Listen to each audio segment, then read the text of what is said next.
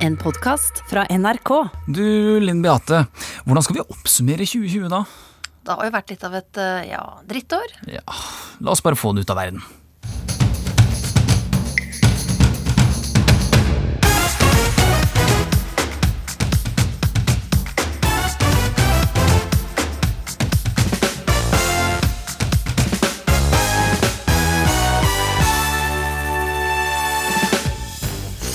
År vi har lagt bak oss. Søringer ble uønska i nord. Jeg syns at en søringkarantene er veldig bra. Så den kan bare være sånn som den er. Om så til jul.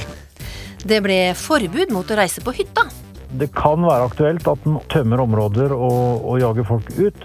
eh, Og at politiet kommer til å patruljere det området Og årets russetid ble en stusslig affære. tenkte jo at vi skulle rulle litt og ha, være på store fester og ha veldig mye fylla og sånt, men det har jo blitt en ganske edru russetid. Ja, 2020 var jo også året da Fremskrittspartiet fikk nok av regjeringssamarbeidet. Det fikk begeret til å renne over.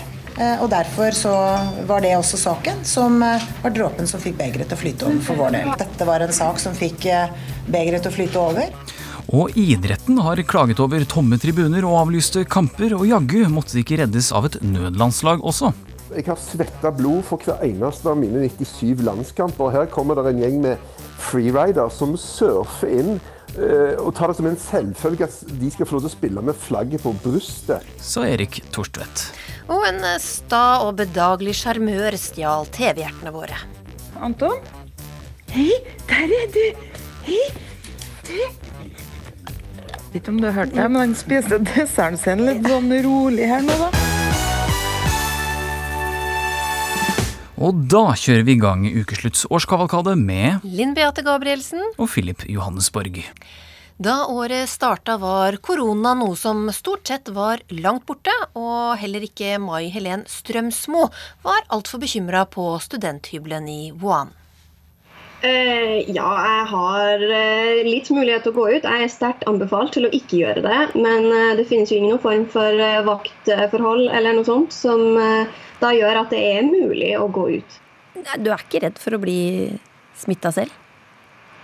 Nei, altså Jeg tar det egentlig ganske med ro. Jeg er ikke helt risikosonemenneske. Så eh, selv om jeg skulle bli syk, så vil jeg anse at mine overlevelsessjanser er veldig store.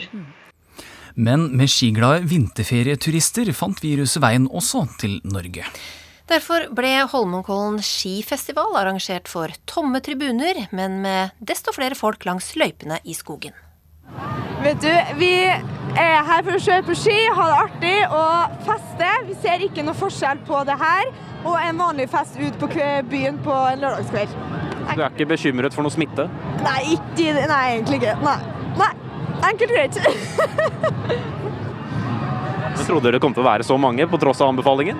Når vi var på vei opp på T-banen, så var det ganske lite folk, så vi var litt redd for at eh, det skulle være dødt. Men det er jo eh, kjempestemning, så det er tipp topp. Men så kom alvoret. Vi må altså i dag være forberedt på at vi nå kommer med sannsynligvis de sterkeste preventive tiltakene eh, som har vært i fredstid i Norge. Altså etter annen verdenskrig, med de tiltakene som kommer etter hvert. Torsdag 12. mars var dagen da alle løp og tømte butikkene for dopapir. De neste månedene skulle alle være hjemme fra jobb og skole. Fiona er en interessant baby som er lillesøsteren min. Her er vi i gang med kombinert hjemmeskole, hjemmebarnehage og litt eh, hjemmekontor. Det går eh, sånn passe. For mens sønnen min på seks år eh, tegner et lilla monster og snart skal videre på matteoppgaver, løper dattera mi på to år hylende rundt i stua. Og nå er det klart for redaksjonsmøte med jobben på mobilen. Philip, bare fem minutter, kan du tegne? Hallo! Her er vårt uh, skole- og barnehagekontor. Hallo! Dette er Philip. I Dagsrevyen kunne man i starten av uka møte denne familien på fire. Jeg har hjemmekontor jeg nå, Vilmi. Får gjort 50 arbeid, og så er det 50% hjemmeskole, og så er det 20% barnehage. Noen dager senere forteller pappa Even Benestad at det fortsatt er ganske kaotisk hjemme. Katastrofe, jobbet, eh, mekle, eh, barn slåss. Hvis skoler og barnehager blir stengt i lang tid, håper han de venner seg til denne situasjonen. En katastrofeuke, men så kommer uke to, og så kommer kanskje uke tre, uke fire, så er på et eller annet sted der så, så, blir dette den nye normalen. Nei. Det her er jo egentlig for viderekomne i relasjonskompetanse, det som foregår. og OL i tålmodighet eh, i ukevis fremover. Relasjonsterapeut Dora Thorhalsdottir sier at det nå er viktig å fortelle hva man føler, for å bevare husfreden og minske konfliktene. Fordi at Hvis ikke så kan du så fort ty til en sånn derre Men nå har vi holdt på så lenge, du må jo skjønne dette snart! Ikke sant? At det blir det der usaklige, det du får bismak av.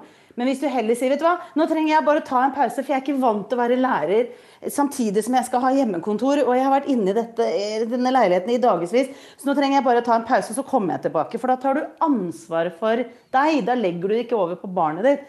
Da er det bare åh, akkurat nå er jeg lei. Og barn blir jo også lei av det. Og de er mye bedre på å si ifra. Velg dine kamper. Kanskje ikke være mest hard på skjermtid akkurat nå. Husk egen tid. Og lade ditt batteri. For hvis du tenker på en mobil da, som går tom, så er, har jo ikke den telefonen så mye å gi. Og det samme med oss mennesker. Du, nå kommer det en veldig artig oppgave. Det er en dans. Oi! Skal du bli med og danse, Fine? Oi.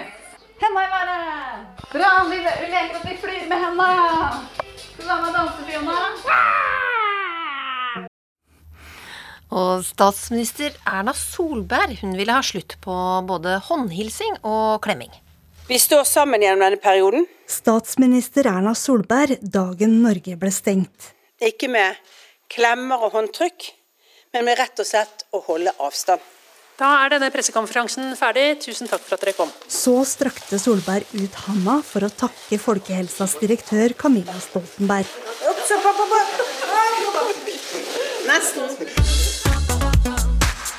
Videoen av Nesten-fadesen ble veldig populær, og mange kjente seg igjen. TV 2-journalist Øyvind Bakke kan ikke fordra klemming. Jeg blir anspent, stiv i kroppen. Jeg synes det er ubehagelig. Jeg eh, vet ikke helt hvordan deres skal respondere. Jeg tenker veldig mye. Det går fryktelig mange tanker rundt i hodet på meg når jeg ser at det kommer en såkalt klemmer og angriper meg. da. Her koser man. Du hører kanskje at jeg ler litt nervøst? Professor i psykologi Fanny Duckert står helt inntil en kollega. Jeg må ha en morgenklem av deg. Nei, må du det? Men klemmer dere nå? I ja. denne tiden? Jo, fordi at vi tilhører hverandres fem. Ok, så klemmer hun en i sin egen krets, eller kohort som det kanskje heter nå. Duckert mener for øvrig at klemmen er livsviktig. Det mobiliserer veldig viktige ting i hjernen vår. Blant annet så fører det til uh, en økning i et hormon som heter oksytoksin. Og det er det hormonet vi kaller for kosehormonet. Hos noen venner som jeg har veldig lyst til å gi en klem, så gir vi en ryggklem. Jørgen Skavlan tvangsklemmer ikke venner lenger. Det vil si at vi stiller oss med ryggen mot hverandre, og så masserer vi rygg mot rygg. Da har vi fått litt fysisk kontakt. Fint. Ikke noe smitterisiko oppi det. Det holder fint. Noen fant kreative løsninger på klemmeabstinensene. Jeg tror jeg greier det sånn akkurat sånn når jeg kommer hjem. Da må jeg klemme en vegg, på en måte, for at jeg skal få ut en klem. Og det ble lite rulling og flatfyll på russen 2020. Jeg tenkte jo at vi skulle rulle litt og ha, være på store fester og ha veldig mye fylla og sånt, men det har jo blitt en ganske edru russetid. Og russetida kan ikke spilles i repeat mamma sendte den til meg også. Jeg fikk, jeg fikk den tilsendt mange, fra mange ulike mennesker. Det var veldig fin tale. Du drømmer om russetiden der du skal feire og feste i den aller feiteste russebussen og med den aller fineste russedressen. Men så kom viruset og knuste alle disse drømmene. For Han snakket mye om de minnene vi ungdommer ikke får skapt pga. dette koronaviruset, er noe vi aldri kommer til å få kunne ta opp igjen. Filip, hvor mye bedre er du til å vaske hendene nå da, enn f.eks. i januar i fjor? Jeg vet ikke helt hvordan man regner sånt, men det har i hvert fall blitt litt mer omstendelig. Og ikke så Hva skal man si det, Litt tørr på henda er jeg nok. La oss ta ukeslutts håndvaskskole og sjekke om vi fortsatt består håndvaskeksamen.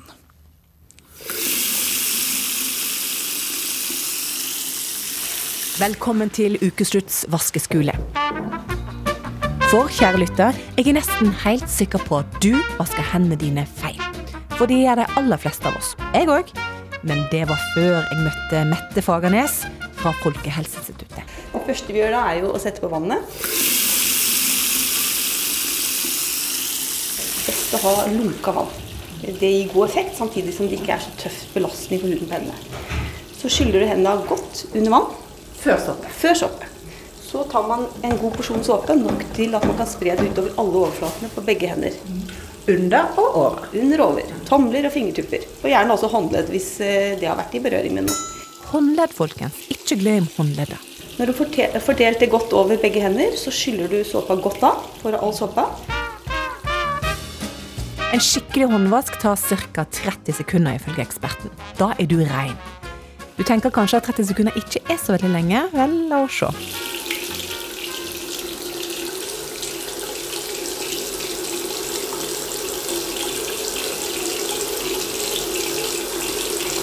Du begynner å bli litt utålmodig nå, ja? Ja, det var bare 10 sekunder. Du skal holde på i 20 sekunder til.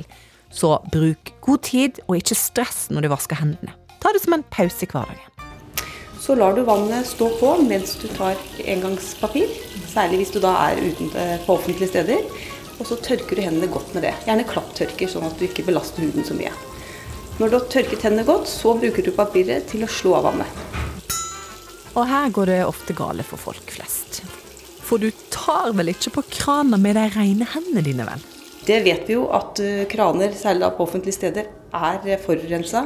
Det er mange som har tatt det med urene hender, så det er viktig at vi ikke gjør, tar de rene hendene rett oppå krana en gang til. For da er det bare å begynne på nytt igjen? Da skal man gjerne begynne på nytt. Da blir du stående der. Papiret. Nå er hendene dine gullende rene. Men oppdraget er fremdeles ikke utført. Og på dette stadiet så er det mange som går på en smell. For husk, selv om du nå er en vaskeekte vaskeekspert, så er det mange som ikke er like rene. Så da når du har slått av vannet, så er det også et godt tips å bruke papiret til å åpne døra ut fra toalettet når du skal låse opp. Ettersom vi vet at det er mange som glemmer utforhåndingene, så er også da alle dørhåndtak osv. inne på toalettet ofte forurensa. Og så bare prøve å komme deg ut døra uten å bruke hendene. Ja, da er det da... Så smekke igjen med, med bakenden eller Ja, komme seg ut. Ja, veldig bra. Hva gjør du med den eh, myggen du har fanga, med? Vi har samla dem eh, i en sånn tilitersbøtte. eh, bøtte. Så du har ti liter med mygg stående i en bøtte i garasjen din? ja. Det er det. Mm. Vi kan vel si at det har vært et eksepsjonelt dyreår. Jeg tror jeg vet hva du tenker på. Eller la meg si det på en annen måte. Hvilke dyr tenker du på når jeg sier Anton? Hund, så klart. Nettopp, for året 2020 ble litt av et dyreår mye på grunn av en hund som ble nominert til en gullrutepris. Ja. Du, nå har Anton funnet seg en eh, badedam, så nå har han vært og dukka under. Og det er jo ikke helt heldig. Vi har jo vært til fryser og ordna han til i kveld. Mens kjendishunden Anton svømmer rundt i vannet, samler folk seg rundt for å se på. Noen vil ta bilder, andre kaster pinne som man kan hente. Du, jeg tror det er en skoleklasse som er ute på tur, så de bare Er det Anton? Og det, ja, det er det. Nå kommer han nærmere for å riste av seg vannet. Matmor Monica Sagen og matfar Fredrik Holmen har kjørt sammen med hunden Anton fra Stjørdal til Oslo for å delta på Gullruten, hvor Anton er nominert i kategorien Årets deltaker. Herregud, det ja, vet du, Jeg tror ikke det har gått opp for meg ennå, heller. Ja, hvorfor tror dere han har blitt nominert til årets deltaker? Nei, jeg stiller meg sjøl det spørsmålet noen gang. For at, hva har han gjort, da? Ingenting. Han bare ligger der. Så det kan ikke stå på innsatsen. Hvis du ikke fikk lyst til å få deg hund etter å ha møtt Anton, så vet ikke jeg.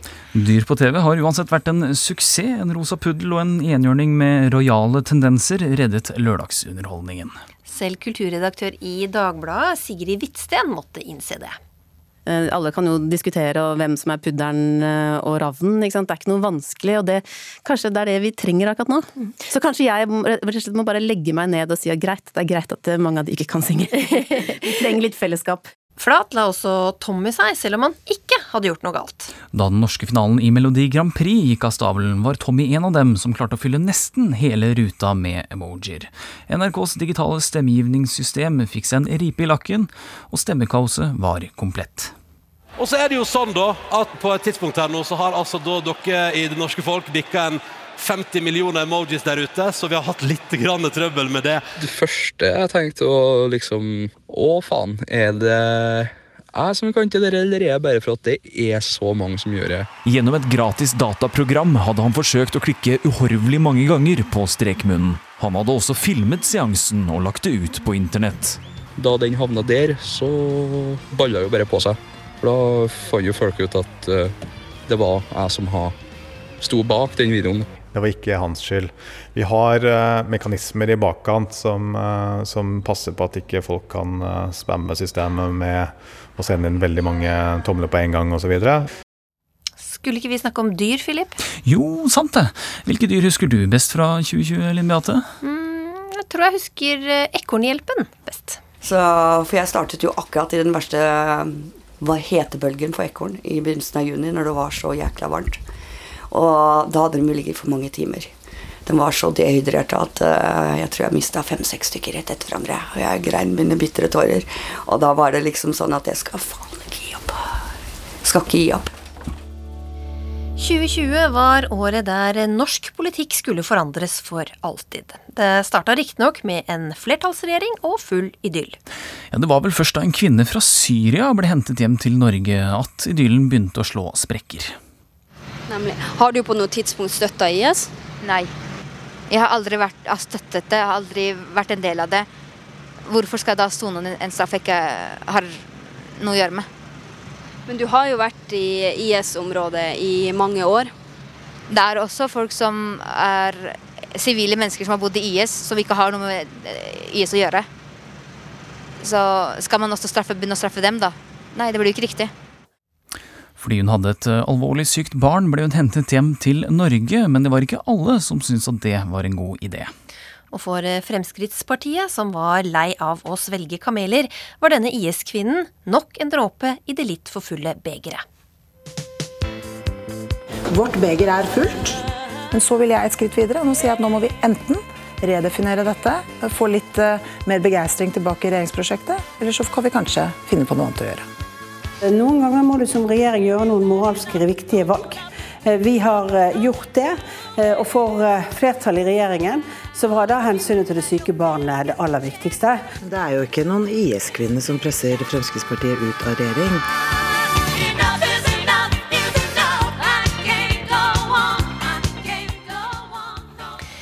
Regjeringsforholdet mellom Høyre, Venstre, KrF og Frp sto ikke til å redde. Verst var det kanskje for Frp-statsråd Terje Søviknes.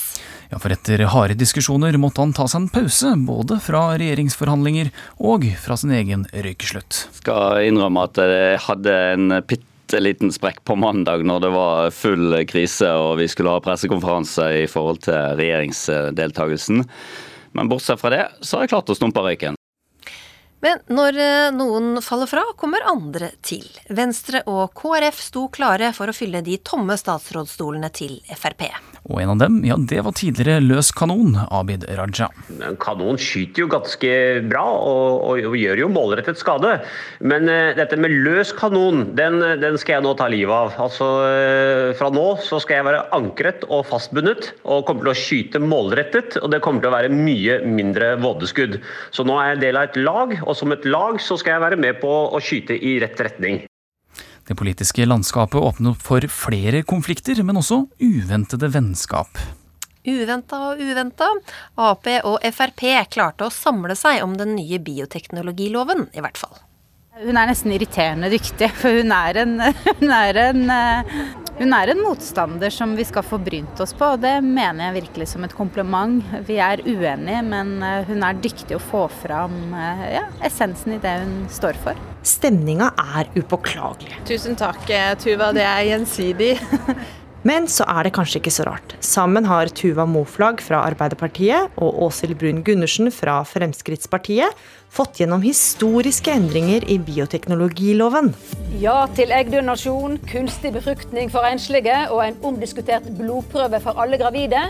Sammen med SV har de sittet i seine kvelder på Stortinget for å finpusse lovforslaget, som endte i en avstemning det var knytta mye følelser og spenning til. Altså, vi har jo sett nå mange foreldre med Downs for eksempel, si at eh, nå er de bekymra for sorteringssamfunnet. Hva sier dere til det? Ved å bruke den ordbruken, så jeg, jeg, lurer på om de som bruker det, egentlig skjønner hvordan de stempler de kvinnene som har tatt et vanskelig valg. Men selv om Arbeiderpartiet klarte å enes der, så var uenigheten stor innad i partiet i en annen sak.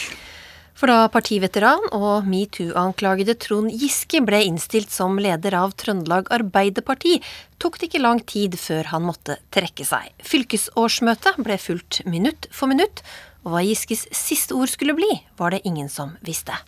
Du skulle holde en tale her eh, på programmet, den blir det ikke noe av. Men skal du likevel holde en egen lang tale nå? Nei, jeg skal, men jeg skal ha ordet, så jeg tar budskapet mitt der. Ja, og Kan du bare si temaet for budskapet din? Nei, Godt forsøk. Du får ta det når jeg er på talerstolen. Vet vi hva han skal si, Takvam? Nei, det, han, han fikk jo det spørsmålet av alle journalistene rundt her da han kom til møtet, og han, eh, han sa jeg kommer med mitt budskap eh, fra talerstolen. Så det venter selvfølgelig alle spent på. Og da nåværende leder i Trøndelag Arbeiderparti eh, omtalte Trond Giske, så, så brøt eh, salen ut i applaus. Sånn at det er klart det er blandede følelser. og eh, etter det som skjedde i, i valgkomiteen. Og, og, Derfor så venter folk selvfølgelig spent på, på hva Trond Giske eh, skal si om noen minutter. Oslos utkantpolitiker nummer én, Jan Bøhler, klarte heller ikke å forlate Arbeiderpartiet uten en viss bismak. Jeg håper at vi kan eh, skilles, eller være i hver våre partier nå, som gode venner. Og, du håper det, men tror du på det? Jeg har fått veldig mange meldinger fra folk på grunnplan i Ap, også folk i stortingsgruppa osv., som er veldig hyggelige mot meg, og som sier litt avstand fra den ordbruken som enkelte har hatt. 2020 ble altså året da politikerne kom og gikk. Og en av dem som gikk, det var Venstre-leder Trine Skei Grande. Avgangen eh, havnet litt i skyggen, fordi hun gikk av dagen før Norge stengte ned. Men Trine selv mente hun aldri hadde hatt det bedre. Jeg følte veldig at jeg gikk fra en ekstremt eh, stressa kontortid. Og så satte jeg meg på trikken, og så stengte Norge ned. Og så kom jeg liksom ikke ut. Går du tett inntil toglinjene i Oslo, er muligheten stor for at du treffer på et par høns, en katt, nesten 4000 bøker og en avgått partileder på hjemmekontor. Hvordan vil du si formen er nå, Trine? Jeg syns formen er kjempebra. Og før koronaen kom til landet, var det mange som trodde klima og miljø skulle bli årets store fanesak. Men selv om Parisavtalen fylte fem år i 2020, så hadde ikke alle fått med seg hva den egentlig handler om. Kjære klimaminister, kan du si hva Parisavtalen er? Ja, det kan jeg. Parisavtalen heter Parisavtalen for det er en avtale som ble inngått i Paris i Frankrike for fem år siden. Og det er en avtale mellom alle verdens land om at vi skal ta bedre vare på planeten vår, naturen, og sørge for at vi stopper global oppvarming, som er i ferd med å skade planeten vår alvorlig. Og Derfor er det en veldig viktig avtale. For det meste har vi vel vært eh, innendørs og holdt eh, meteren det siste året, Philip? Jo da, men for eh, alle oss som har måttet gjøre entré andre steder enn i stua, så har elsparkesykler vært en glede. Bare hør hvordan FrPs Bård Hoksrud storkoser seg. Har du lyst til å prøve, eller? Jeg kan godt prøve på det, men jeg er jo veldig skeptisk til det der. Jeg, jeg har jo et par kollegaer som er, ikke, det har gått helt bra med, så jeg vet ikke. Jeg kan prøve, da. Og så må du liksom sparke litt fart sjøl, og så trykke inn gassen. Ok, gassen er der. Og gassen er der, ja. Jeg tror jeg skal trene litt på dette her. Altså, dette er uh... Jeg vet ikke om alle kan si seg enig i den eh, gleden, for da elsparkesyklene kom til Bergen, heiv NRK-programleder Linda Eide seg over tastaturet. Det kom over to typer fra Oslo. De to typene bestemte at det jeg skulle se i Bergen sentrum heretter, var en irrgrønn sak på to hjul. Den skulle jeg se slengt rundt et hjørne ved butikken, den skulle jeg se slengt i en park, den skulle jeg se rett foran jobben min, den skulle jeg se oppi Sjøfartsmonumentet, den skulle jeg snuble over i de runde hjørnene ved gamle Lido, den skulle jeg bli sneia ned av på fortauet ved Apollon, den skulle jeg krangle med i Olav Kyrres gate, den skulle jeg slåss om plassen med i fotgjengerfeltet ved Bystasjonen. Fordi de mente at det fortjente jeg. Jeg hadde tross alt etterspurt dette lenge. Og nei, de hadde ikke fått lov av kommunen, sa de. Men de burde fått lov, sa de. Og da bør det være greit, sa de.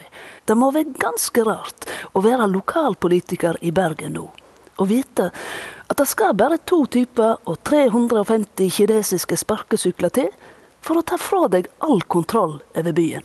For mens det oppstår nye debatter, er det andre diskusjonstemaer som stadig holder stand. For skal bilen ha manuelt eller automatgir? Ukeslutt tar praten. Jeg husker jo Vi kalte jo biler med automatgir eh, tidligere for protesejagere. Det var, var bare handikappa som hadde det. Get your motor running. Geir Skau, programleder i Radio Norge, har ikke mye respekt for biler med automatgir. Bilgleden er å gire. Men Skau tilhører en utdøende rase. I fjor hadde under 5% av alle nyregistrerte biler manuelt gir, og tallet er fallende.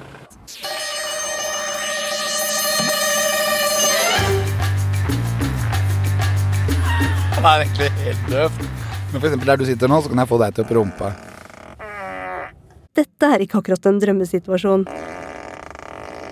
Å sitte på i en bil hvor det kommer prompelyd fra setet ditt.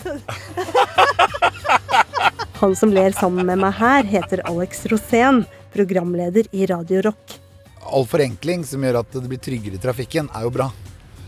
Og det er jo mange som kåler, og da får de én ting mindre å kåle med, da, for da går jeg automatisk. Rosén er mildt sagt begeistra for sin Tesla, som kun kommer med automatgir. Mitt verste minne med manuelt gir er jo de gangene det har jamma seg helt og alt har gått i stykker. Og du står midt på veien, og det ryker, og det lukter diesel, og I like smoking lightning. Heavy metal thunder. Annet tredjegir. Geir Skau er i sitt ess. Han sitter bak rattet på sin Toyota Hilux. Pickupen har hele seks gir. Det er jo, du er enig i dette her. Det er jo dette som er kjøre, kjøremaskin. Sitter jo høyt og trygt, og veit at her, her eh, kan ingen Her kan ingen true deg. Framtida blir eh, Jeg regner med at vi kommer til å se et klasseskille. Det er de som kan kjøre bil, og de som må kjøre bil. Og de som kan, de Kjører manuelt. Vi er godt i gang med ukeslutts årskavalkade, hvor vi straks skal høre hvordan vi var bitte litt uenige om munnbind var en god idé eller ei. Mye ble bestemt på kort tid da koronaen traff oss. Kanskje litt vel fort noen ganger også? Det ble hytteforbud. Regjeringens mål er fortsatt at viruset skal slås ned over tid. Til slutt bare, Hva vil du si til de som har veldig lyst til å dra på hytta i påsken? Hørte du sukket? Statsminister Erna Solberg virker litt lei. Skaff dere noen gode spill. Lat som dere er på hytten, men bli hjemme. 14. mars forteller Dagsrevyen at statsministeren vurderer om Heimevernet og Sivilforsvaret skal hente hyttefolk ned fra fjellet. Ordfører i Vinje, Jon Rikard Kleven, vil bruke politi. Det kan være aktuelt at den tømmer områder og, og jager folk ut.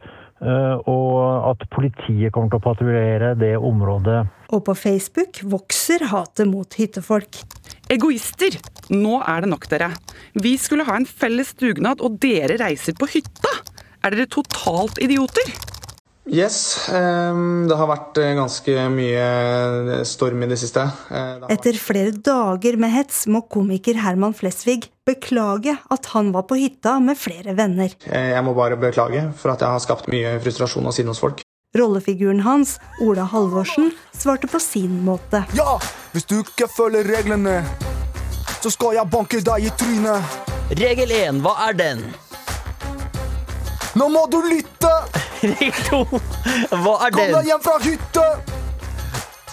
Eh, Etter hvert så ble det veldig ubehagelig, fordi man nettopp følte seg eh, uønsket, da. Inga og kjæresten hennes er på hytta i Hol i Hallingdal. Kjærestens far er koronasmitta, og paret drar derfor til hytta for å skjerme kollektivet de bor i. En av de andre leieboerne jobber nemlig i beredskapsbarnehagen til Ullevål sykehus i Oslo. Men selv om sola skinner ute, blir det bare mer og mer ubehagelig å være på hytta. Jeg tror vi ble litt paranoide etter hvert, fordi hvis vi så noen som gikk eh, på veien eller kom kjørende og liksom så seg litt rundt, så tenkte jeg at nå, nå er vi registrert på en eller annen måte.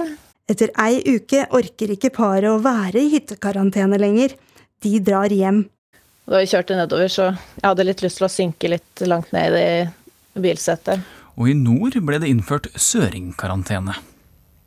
Jeg syns at en søringkarantene er veldig bra. Så den kan bare være sånn som den er. Omstå til jul. Det er jo en måte å beskytte befolkninga, den eldste, mest utsatte, for alvorlig smitte, og ingenting annet enn det. Den såkalte søringkarantena har vært full av absurde argumenter. heksebrenninger på 1600-tallet, med annen verdenskrig, med Alta-kampen. Så det har vært symbolbruk og, og billedbruk her som jeg mener sannsynligvis ikke har, har bidratt til å styrke Nord-Norges standing og posisjon eh, nasjonalt, snarere tvert imot. Så kom endelig sommeren, og vi fikk lov til å dra på sydentur og svenskehandel igjen. Alltså du kjenner blikkene. du kjenner så kommer du hit med smitta? Er du, är du en av de der som kommer hit og, og har du smuglet deg inn her? i eh, Vad gör du här? Og så var det jo så rart, da, for ikke å si eksotisk, for i Syden måtte man bruke munnbind, og det hele tiden. Det var ikke nok bare med å ha det inn på supermarked eller hotell eller inn i bygninger lenger. Jeg måtte ha det når jeg gikk ut, også på stranda. Selv om det var 35 grader og steikende sol, så skulle munnbindet da være over nese og munn. For eh, her hjemme skulle vi lenge ikke bruke munnbind, til protester fra enkelte leger. Men altså, det at ikke alle kan bruke munnbind, er jo ikke noe argument mot at uh, man kan anbefale det. Uh, og at ikke barn skal kunne bruke det. Er, hva, hva er det for slags tøv? Altså, jeg har et barnebarn i Spania som har sydd eh, munnbind til alle kosedyrene sine. Altså, det er klart at Hun ville også kunne brukt munnbind på skolen. Det er ikke, det, det, det er ikke noe, noe motsetning i det hele tatt. Nei, men det, altså At kosedyr kan bruke munnbind, det er helt greit. Men, men en, annen ting med, en annen ting med bruk av munnbind, det er, det er at en, og som også vi har uh, sagt, og som kanskje har mis, blitt misforstått litt, det er at for at munnbindet skal ha effekt, så er det veldig viktig at de brukes riktig. Men det gikk som det kanskje måtte, og regjeringa innførte karantene for dem som kom fra røde land. Her gjaldt det å komme seg hjem før midnatt og karanteneplikt. Gentlemen, welcome to Oslo Airport, where we have landed uh, 20 minutes ahead of uh, schedule. Please remain seated with your Det, var, det ble en veldig spennende tur, det kan man trygt si. Eh, Flyet skulle egentlig lande fem på tolv. Hadde jeg visst hvordan det ble forhånd, hadde jeg virkelig ikke dratt. Så er det én mann som eh, til tross for at han kommer med mange kjipe beskjeder, nærmest har blitt en popstjerne. Hmm, tenker du på Ja. Det har blitt laget en eh, sang om deg nå, assisterende helsedirektør Espen Rostrup Nakstad. Kan du nynne litt på den? Det er noe sånt, er det ikke det? Jo, det er noe sånt. Det du sa, Espen Nakstad. Alt blir bra med S. Den fortjener et høyt ternekast, syns jeg, eh, den låta. I likhet med mange andre koronalåter. Han Vil vi ha? Han kan bli kapra til toppjobb i Nav. Mildt sagt så kan man vel si at idrettsåret 2020 var preget av mye mer enn bare idrett. Tomme tribuner og smittefare førte til spennende løsninger ingen tidligere hadde sett maken til. Og flere var skeptiske da nødlandslaget måtte stille opp på kort varsel for å forsvare Norge som fotballnasjon, bl.a. tidligere fotballproff og far Erik Torstvedt. Jeg har svetta blod for hver eneste av mine 97 landskamper. Her kommer det en gjeng med freerider som surfer inn og tar det som en selvfølge at de skal få lov til å spille med flagget på brystet. Én skåring til, og Norge rykker opp til elitedivisjonen med det som ikke er nødlandslaget lenger. Det er jubellandslaget, folkens!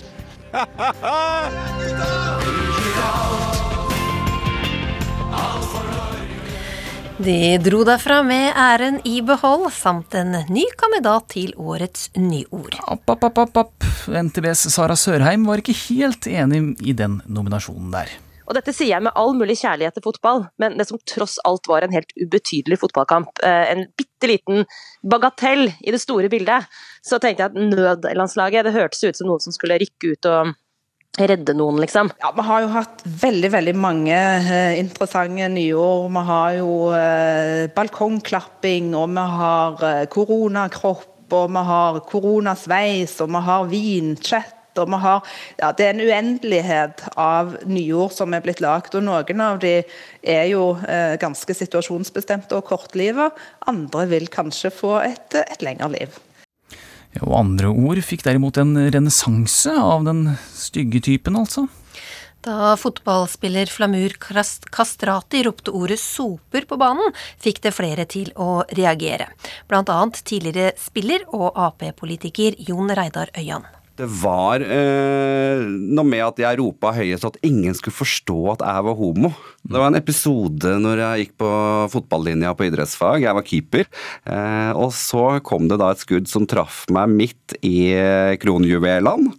Eh, og da husker jeg på at jeg hørte mens jeg lå nede og hadde vondt, eh, en tørr kommentar som bare var ja ja, det er jo ikke så farlig. Han skal jo ikke bli pappa likevel. Det var ikke bare ord som skapte frustrasjon på fotballbanen i 2020, også hvite shortser. Jentene på Lillesand idrettslag kjempet hardt for å få byttet ut sine gjennomsiktige shortser. Fordi at alle skal ha samme mulighet til å gjøre sitt beste i alle kamper, og både gutter og jenter. Og alle skal føle seg komfortable på banen. Og hvis mørke shortser bidrar til det, så tror jeg at det kan hjelpe mye. Og så må vi ikke glemme Petter Northug, da. Og du tenker på han med julelåta? Blant annet. Jeg har et alvorlig rusproblem bestående av alkohol, narkotika og piller. Jeg er ingen drømmesønn. Og jeg kjørte altfor fort, godt over 200 km i timen. Kan jeg få komme hjem Og jeg var i tillegg dum nok til å filme det med telefon. til ribbe og riskrem? Klokkene dem ringer, er Så det jeg tror er nok det at Petter Northug bruker nok mye av det som han er kjent for, bl.a. Eh, sans for humor. Eh, og prøver jo nå å egentlig komme litt videre etter denne skandalen, da, med å prøve å få det inn på en litt morsom måte. Og jeg bare ser for meg hvor katastrofalt det hadde vært hvis en kvinnelig eh, toppidrettsutøver, f.eks. Therese Johaug, også etter hun hadde gått av som fra toppen, så hadde det vært veldig rart om hun kom ut med en sånn låt. La oss si en sommerhitta, 'Jeg ser ingen sol etter klosterbol'. Eh, 'Nå går det bare i sider' etter bruk av anabole steroider, tror jeg skrev. Det her er ikke for alle, og kanskje heller ikke for Petter Northug i det lange løp. Og å kjøre som en villmann kan få konsekvenser, ikke bare for den som kjører, men også for de andre som befinner seg på veien akkurat da. Arr nedover beina, kulehull midt på leggen fra et sånn svært apparat som var skrudd fast utenfor. Og oppover begge lårene så har jeg lange, store arr. Benedicte Bull fikk begge beina og den ene armen knust i ei trafikkulykke for drøyt 30 år siden. Altså, jeg ble jo på en måte knust mellom, mellom døra og dashbordet fordi han kom i da 150 km i timen over i min eh, kjørebane. Kjører du bil på sentrale Østlandet, så møter du rusa folk i trafikken hver eneste dag. Så mange er det der ute, faktisk. En som tidligere gjerne kjørte i rus, var Ingar Jorunnsson. Hvis jeg skulle fra A til B, så måtte jeg ha rus for helt å tørre å sette meg inn i bilen og starte bilen og kjøre. Jorunnsson hadde ingen betenkeligheter med å kjøre. Men en gang han kom til et møte, ble han overraska da en kollega lurte på hva som hadde skjedd med bilen hans. Eh, Jeg så det ikke sjøl. Hele sida på bilen var eh, ripet opp, og speil og alt var borte. Og det har ikke jeg klart å registrere engang. Men det som er skremmende i dag, det er at jeg ikke husker noe av turen. Og ei heller hvor jeg, hva jeg bulka i. Eh, Så jeg gikk flere måneder i redsel for at jeg hadde kjørt på noen, eventuelt et barn eller ikke. Nå syns jeg vi har snakka om eh, mye annet enn idrett her, Philip. Hvordan eh, gikk det egentlig med idretten i koronaens år? Ja, Berit Kjøll i Norges idrettsforbund mener de har klart seg ganske så bra. Litt, eh, litt smitte til tross. Så jeg er uenig i at vi ikke er ansvarlige. Det er nettopp den ansvarlige linjen som jeg er skikkelig stolt av at norsk idrett tar så seriøst. Ja, det kommer til å oppstå smitte, men vi har de beste forutsetninger for å ta kontroll på smitten ut ifra de strenge protokollene som er, og det regimet som er. Og vi må ikke glemme at i en situasjon vi er, så må folk også ha noe å glede seg over. Det tenker jeg også er en dimensjon som jeg også vet at myndighetene er opptatt av. Mm. Du sitter bare og flirer, eh, Per Arne. Nei, jeg, jeg gjør ikke det. Jeg smiler litt. Ja. Ja. Nei, jeg hører jo på det, for at dette er jo argumenter man har hørt før. Og jeg må jo si det at uh, dette med at man er trygg på at man foretar de aller beste tiltak også, så altså, Det hjelper jo ikke det. Når en eller annen er smittet, så er han smittet. Krimåret 2020 kan vi vel si var preget av ja, gamle saker som dukket opp igjen. Forsvinningen i Lørenskog har blant annet fylt to år, og Anne-Elisabeth Hagen har fortsatt ingen sett. Ektemannen selv er siktet for eh, drapet. På prinsipielt grunnlag mente tidligere polititopp Hanne Kristin Rode at de som villeder politiet, burde ta etterforskningsregninga selv. Hvis det faktisk er sånn at noen har villedet eh, etterforskningen rent aktivt, gått inn for å veilede, eh, villede politiet, eh, uansett om det er det dagens siktede eller noen andre, så ville det vært interessant å tenke seg at staten kan gå til søksmål mot den eller de som har villedet og vanskeliggjort. For her er det en enormt dyr etterforskning, og det er litt støtende å tenke seg at staten skal bære alt dette. Hagen ble så løslatt fra varetekt. I november ble nordmannen Saad Yidre Haid dømt til døden i Somaliland. I desember fikk Ukeslutt besøk av sønnene hans. Du, det ble sagt at uh, min far skal nå henrettes. Nå på lørdag, og da var det en onsdag, hvis jeg ikke husker feil. Nei. og jeg jeg kjenner at jeg skjelver bare av tanken på det. Jeg følte at vet du hva, nå kan ikke jeg sitte og gråte foran mine barn, så jeg går inn på rommet eh, og sitter der og gråter helt alene. Og eh, min eldste sønn hører det. Og han eh, kommer inn på rommet og sier liksom 'hva er det som skjer, pappa?' Og da sier jeg bare liksom 'du, det det er bare det er noe som har skjedd, og jeg kan ikke forklare det akkurat nå. Prøvde å skjerme det litt fra mine egne barn, eh, og da, noen par dager senere, velger jeg da å fortelle det til eh, fortelle det til dem. Det kom jo som et sjokk at eh, bestefar skal henrettes. Og da sier liksom eh, Men eh, pappa, kommer bestefar eh, nå til juleferien? Kommer vi til å være sammen igjen? Tror du det? At han kommer, kommer til å klare seg til da? Og da sier jeg du, det er det jeg ikke har peiling på. Og hva skal du gjøre hvis eh, pappa kommer hjem, Mustafa?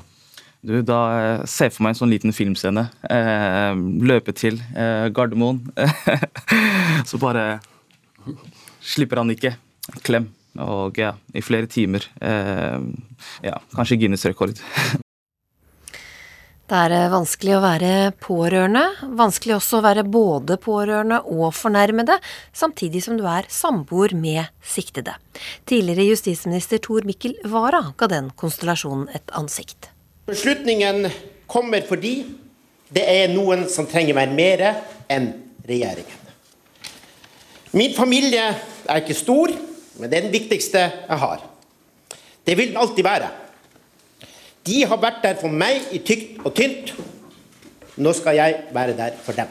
Noe av det ypperste du kan vise til din kjære, er at samme hvor mye det stormer og hvor mange som er imot deg, så skal jeg stå ved din side, last og brast. Eh, Du kan stole på meg, vi er et team, det er oss mot verden. Dette her er jo det som filmer og bøker, og det er liksom toppen av romantikk, egentlig. Å stå der så solid med partneren og si 'ikke rør dette mennesket', jeg elsker han eller henne, og jeg står her eh, uansett hva dere kaster mot meg. Rettssaken mot Laila Anita Bertheussen startet nemlig i 2020, men selve startskuddet var et teaterstykke høsten 2018. Så kommer jeg på scenen, og så når jeg snur meg og ser på publikum, så ser jeg at det er en person, en kvinne, som står på trappa og eh, filmer. Hva gjør det med deg, da, når du er på scenen? Jeg, jeg syns det var ubehagelig, fordi det var, uh, det var Hun lagde noen lyder også, sånn lo Litt sånn eh, hånlig latter, eller ja. Oslo tingrett skal i dag starte behandlingen av straffesak med tiltalte Laila Anita Bertheussen. Ukas rettssak er allerede blitt betegna som unik. I rettssalen står Bertheussen tiltalt for ildspåsettelser og hærverk på egen eiendom, og for å ha sendt trusselbrev. Angrepene, som starter i desember 2018, blir både av politiet og journalister knytta til forestillingen Ways of Seeing på Black Box, fordi teatret viste et bilde av Varas hus på scenen. Men etter at Varas bil settes i brann i mars 2019, kommer daværende PST-sjef Benedikte Bjørnland med en mildt sagt overraskende beskjed. PST har i dag siktet justisministerens samboer Laila Anita Bertheussen for overtredelse av straffelovens paragraf 225. Jeg fikk skylda, men det var jo mange som mente at det var min anmeldelse som fikk henne til å gå på teatret, og det tenker jeg det er greit. Nå har det vært eh, mange uløste saker her, Philip. Ja, jo Men det er jo én sak da, som nesten er blitt østet opp, i i hvert fall. Tidligere Frp-politiker og nå bareier Per Sandberg. Han ante jo ugler i mosen da en kvinne kom inn på puben hans og ville tilby ham litt av arven sin. Hun hadde beslutta at vi skal få en del av denne store arven hennes. Da jeg dro derifra, så det første jeg begynte å gjøre, for jeg fikk ikke noe annet enn et, et fornavn, Maria. Så da begynte jeg å søke og google på Maria, og da dukka ja, Nordens eller Skandinavias største svindler opp, så da var det lett match for meg. Og da ringte jeg ned til bartenderen min og så sa jeg nå må du holde deg varm. Hvordan kvinnen som opererer under mange ulike navn, er dømt for mer enn 100 straffbare forhold i Norge, Sverige og Danmark de siste 30 åra. I den danske podkasten 'Kvinnen med den tunge koffert' får vi høre hvordan norske Marie tar inn på klostre og andre overnattingssteder for å hvile. Hun sier hun har uhelbredelig kreft. Og snyde meg for et eller annet. Så du ja. også ble lurt? Jeg ble også øh, svindlet. Lurt. Ja, det gjorde jeg. Da Per Sandberg skjønte hvem som satt i baren, fikk han bartenderen til å ta et bilde. Bildet av han sammen med en litt motvillig, men smilende gjest posta han seinere på Facebook for å advare andre. Men først konfronterte han Marie. Eh, og Da bare stilte jeg spørsmålet sånn rolig. Har du et mellomnavn Maria? Ja, det hadde jeg. Er det da Madeleine? sier jeg. Ja, det var det. Og så spurte jeg litt sånn med glimt i øyet hvilket etternavn bruker du i dag da, Maria? Da eh, var det Larsen. Eh, og jeg spurte også om hun hadde vært i Danmark i det siste. Eh, det hadde hun vært. Og da tenkte jeg at eh, men det er vel vanskelig, for du er vel utvist fra Danmark? Eh, og da ble det helt stille, og så slo hun bare over og så sa at jeg skal vel bare gå nå, da. Og da pakka sekken sin, og så gikk jeg derifra. Vi har kommet oss ganske langt gjennom ukeslutts oppsummering av 2020, koronaens år. Noe morsomt har det jo kommet ut av dette også? Som ufrivillig nakne kommunestyremøter på Teams. Den husker jeg. og liksom-flyturer på kjøkkenet. Og den husker jeg.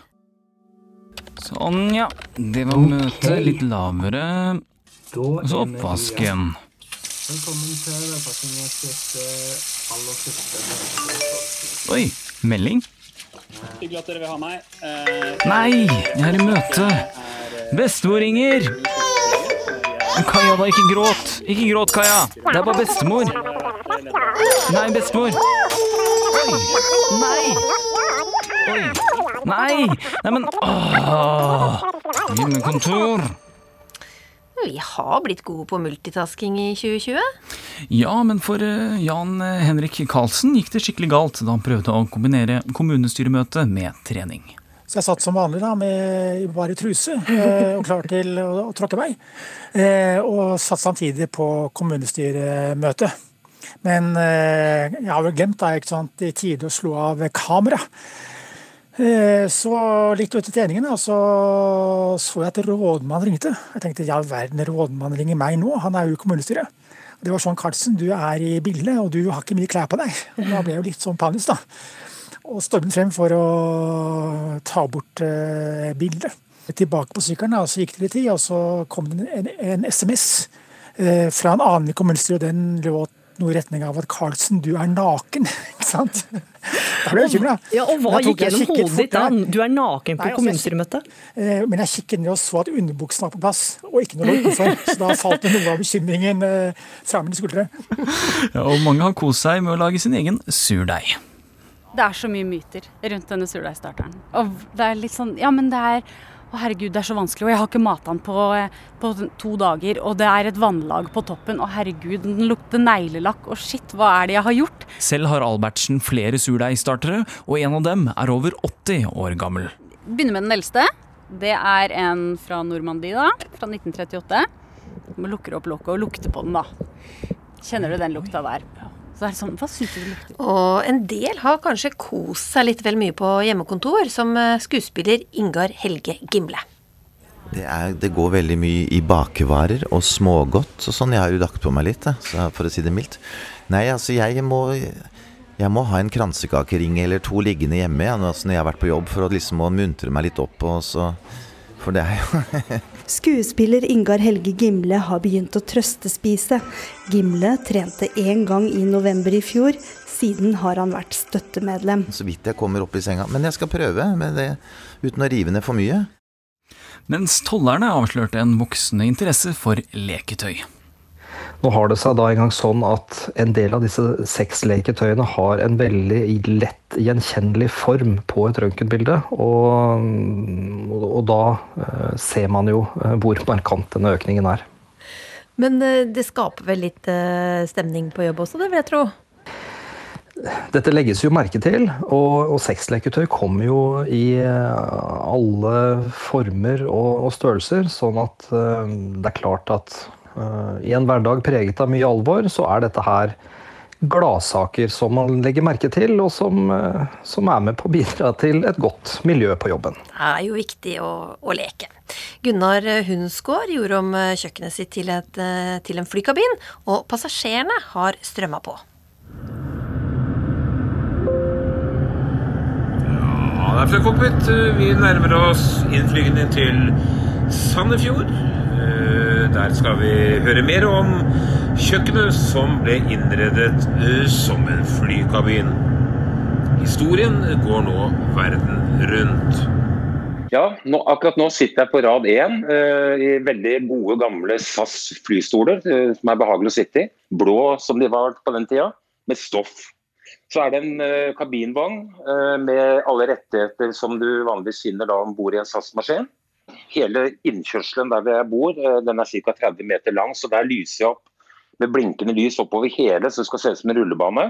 Og Så kommer de inn da selve inngangspartiet, og der er det innsjekk. og da da er det passkontroll, og så kjører jeg en liten sånn eh, Jeg sjekker at det er greit med mobiltelefoner, ikke de har med seg noe som ikke skal være om bord. Hva sier de som ønsker å booke en flytur hos deg? De yngste som har vært der, det er noen på 17 år, det var noen venner av min datter som fikk lov til å fly til Ibiza. Og så, tidligere i uka, så ringte det en dame på 72 år, opp, eh, var fra Mener opp rundt Jessheim-området. Og hun savnet, som hun sa, med sine klubbvenninner å reise til London. Kreativt var det nok også å arrangere fest i et nedlagt bomberom. Det gikk fryktelig galt, og flere av festdeltakerne måtte bæres bevisstløse ut etter kullåsforgiftning. Sånn som det har vært i media de siste dagene, så har det vært som en rusfest med helt dumme mennesker. Det er ikke det det er. Vi er smarte, oppegående folk som er unge og så har lyst på en fest. Jeg møter to av kvinnene som var på den såkalte grottefesten i Oslo, som endte med at flere ble sendt eh, til sykehus. De forteller at de opplevde festen som vellykka, men at eh, det etter hvert kom altfor mange, og at festen kom ut av kontroll. Eh, Da blir vi truffet av en veldig sterk eh, bensinlukt, og vi kjenner at vi blir svimle med en gang. I debatten i NRK på tirsdag fortalte en av dem hvordan døra til aggregatrommet som skulle gi strøm til anlegget, hadde blitt brutt opp, og at det lå bevisstløse mennesker der som hun prøvde å redde. Så vi går bort til dem, prøver å riste tak i dem, slå dem i ansiktet. 'Hallo, hallo, våkne', eh, sier vi, og de våkner ikke. Så vi begynner da å prøve å dra dem ut derfra. Samtidig som vi selv holder på å svime av, da. 27 personer havnet på sykehus etter grottefesten, og i løpet av uka kom nyheten om at flere av pasientene som fortsatt ligger innlagt på sykehuset, har fått eh, hjerneskader etter kullosforgiftning. Jeg advarer på det sterkeste at man eh, ikke eh, tar seg inn ulovlig på, på sånne steder. Det medfører stor fare. Det er dårlig luft. Det er ikke noe ventilasjon. Og helsesista, tale Marie Krohn Engvik, ble mer og mer bekymret for hvordan koronatiltakene går utover de unges psykiske helse. Alle vi hjelperne, vi som står og skal prøve å holde, gi god, god, omsorg og holde folk oppe, vi føler at vi holder i et synkende skip. Dere må hjelpe oss, for at vi også drukner snart, hvis ikke dere tar ansvar. Mm. Tar dere ansvar, Bent Høie? Ja, og det var det jeg eh, fortalte, fordi det det første som helsesøster tok opp, det var at eh, når vi, når vi presenterer smitteverntiltakene, så må vi også snakke om de negative sidene og oppfordre folk om å ta vare på de ensomme. Ja, dere må ikke legge det over på samfunnet. Dere, må, dere er eh, våre lagspillere. Dere må ta ansvar. Og vi, trenger, vi, trenger, mer penger, vi trenger menneskelige ressurser. Vi trenger å se på hvordan kan vi gjøre ting annerledes. Hvordan kan vi jobbe sammen? Hvordan kan vi sikre at ikke studentene våre faller fra, mister håpet, at lyset slukner i øynene deres. For det er det som skjer nå. Noe helt annet nå, Philip? Ja, jeg tror kanskje det.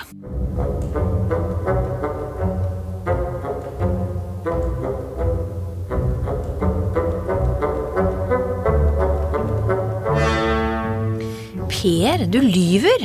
Nei, jeg gjør ei, ville vel Trump sagt.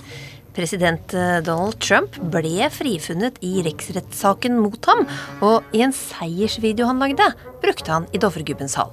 Dramatiker Aksel Helstenius syns Per Gynt var et passende valg for Trump.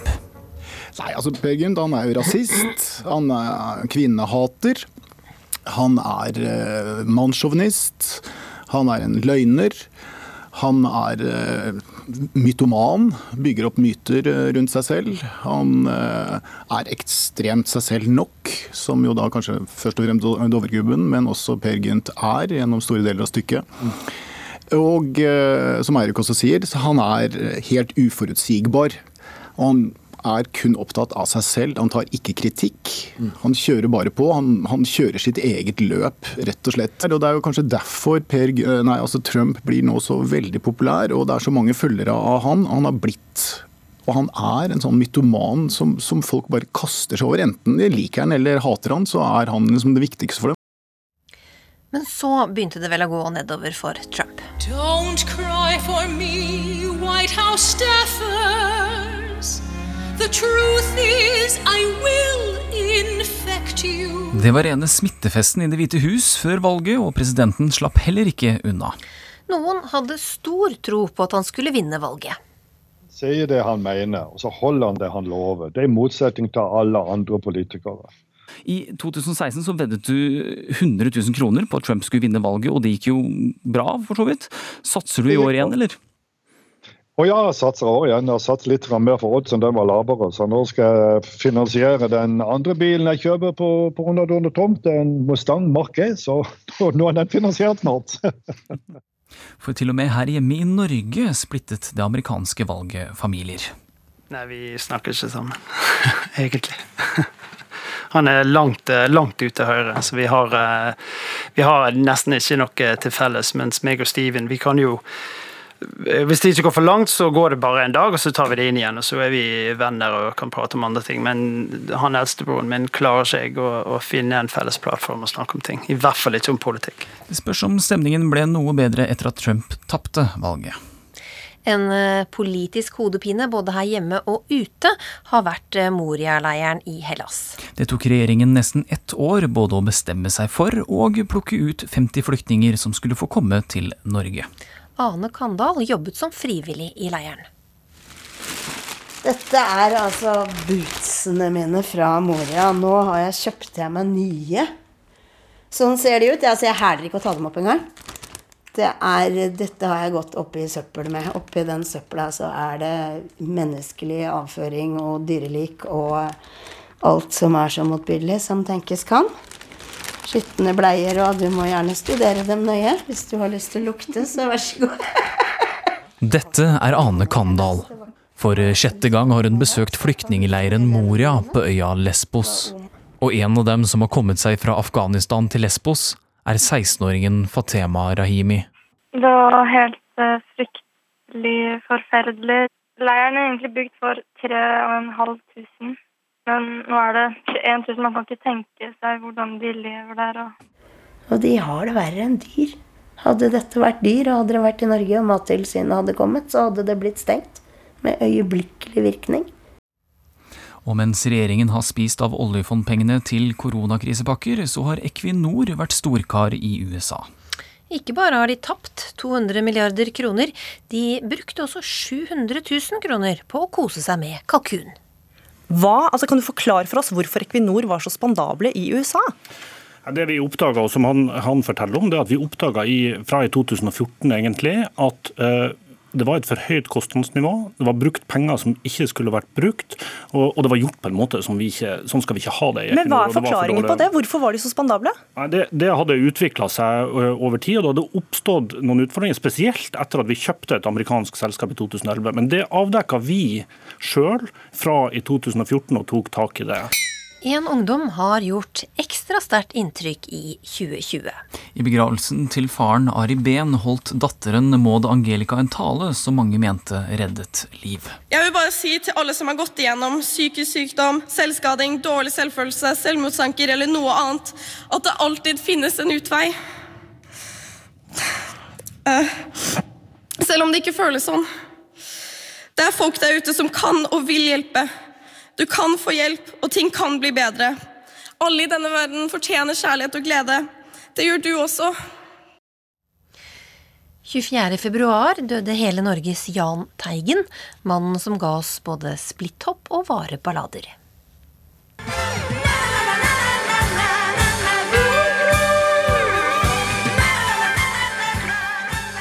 Jeg bare mente å ha det eh, skjelettdrakta på som en slags eh, visuell effekt til eh, teksten ja. og låta. Men jeg leste avisene da mandagen etter, så ble jeg litt skremt sjøl. For jeg hadde ikke venta reaksjon i det hele tatt.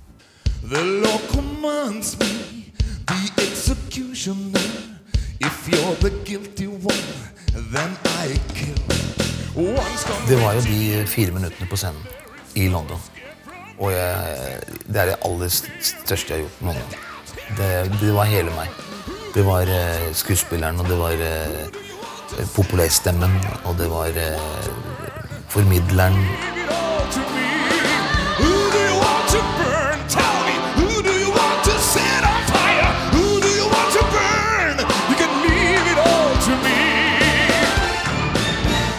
Jan har en helt utrolig evne til å, til å reise seg igjen. Han har den evnen til å, til å tenke riktig.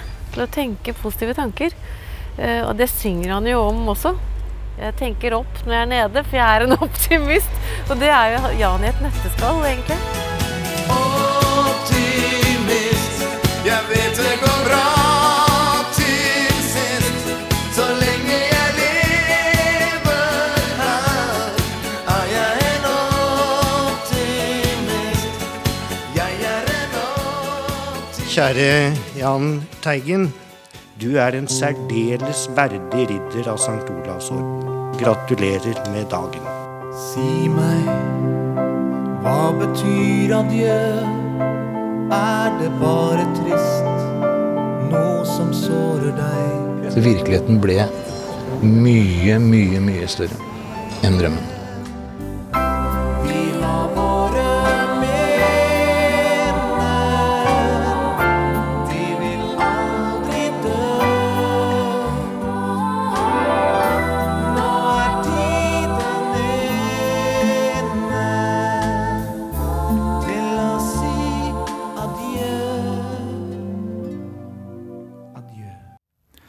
Hele Norge ble invitert med i Teigens bisettelse i Tønsberg domkirke. Begravelser er eh, dyrt, da, men eh, det provoserte da et begravelsesbyrå på Kongsvinger lokka med gratis gravferd til de 20 første kundene. Har du en ond stemor som ligger for døden? Eller hva med en onkel du aldri har møtt? Er du lei av å betale dyre gravferdsutgifter for folk du ikke liker? Prøv Siste reis, begravelsesbyrået for deg som syns det er litt dyrt å dø. Eller syns du denne fiktive reklamen ble litt for drøy? Å reklamere for gravferdstjenester er ikke hverdagskost, og det var nok flere som satt kaffen i halsen da de kom til en helsides annonse i avisa Glåmdalen forrige uke. Åpningstilbud gratis gravferd. Åpningstilbudet gjelder fra frem til og med 11. oktober. Se vår hjemmeside for betingelser. De 20 første som står klare til å sette spikeren i kista, får altså en gratis begravelse. Leserinnleggsskribenten Sunde skriver videre. Min kommentar. Hvor går egentlig grensen for aggressiv annonsering? Jeg håper inderlig ikke å få bruk tilbudet. Øystein Sunde, pensjonist Magnor. Ottar Skaslien har i nesten 30 år drevet Kongsvingers begravelsesbyrå Grønlund AS sammen med sin bror Morten. Her er det inget sjokksalg, og selv ikke kona til Morten Skaslien skal få noen særbehandling. Nei, det er som, eh, det er som kona mi sa. Det, da hun så den kontinentalkista, så sier hun 'den skal jeg ha', sa Og da sa jeg 'den får du ikke'. For den er prisa til 41 500. For det er dyrt å begraves. Det etablerte begravelsesbyrået i Kongsvinger frykter ikke for konkurransen, men som Ottar Skaslien sier, hva blir det neste? Kilopris på svigermor? 80 kroner kiloen for din svigermor. Der var det gjort. Ukeslutt 2020 er oppsummert. Du har hørt meg, Filip Johannesborg. Og meg, Linn Beate Gabrielsen. Det tekniske har Bobo Bjørnskjold sørget for. Satser vi alt på 2021. Tror vi gjør det. Vi høres igjen neste lørdag. Du har hørt en podkast fra NRK. Hør flere podkaster og din favorittkanal i appen NRK Radio.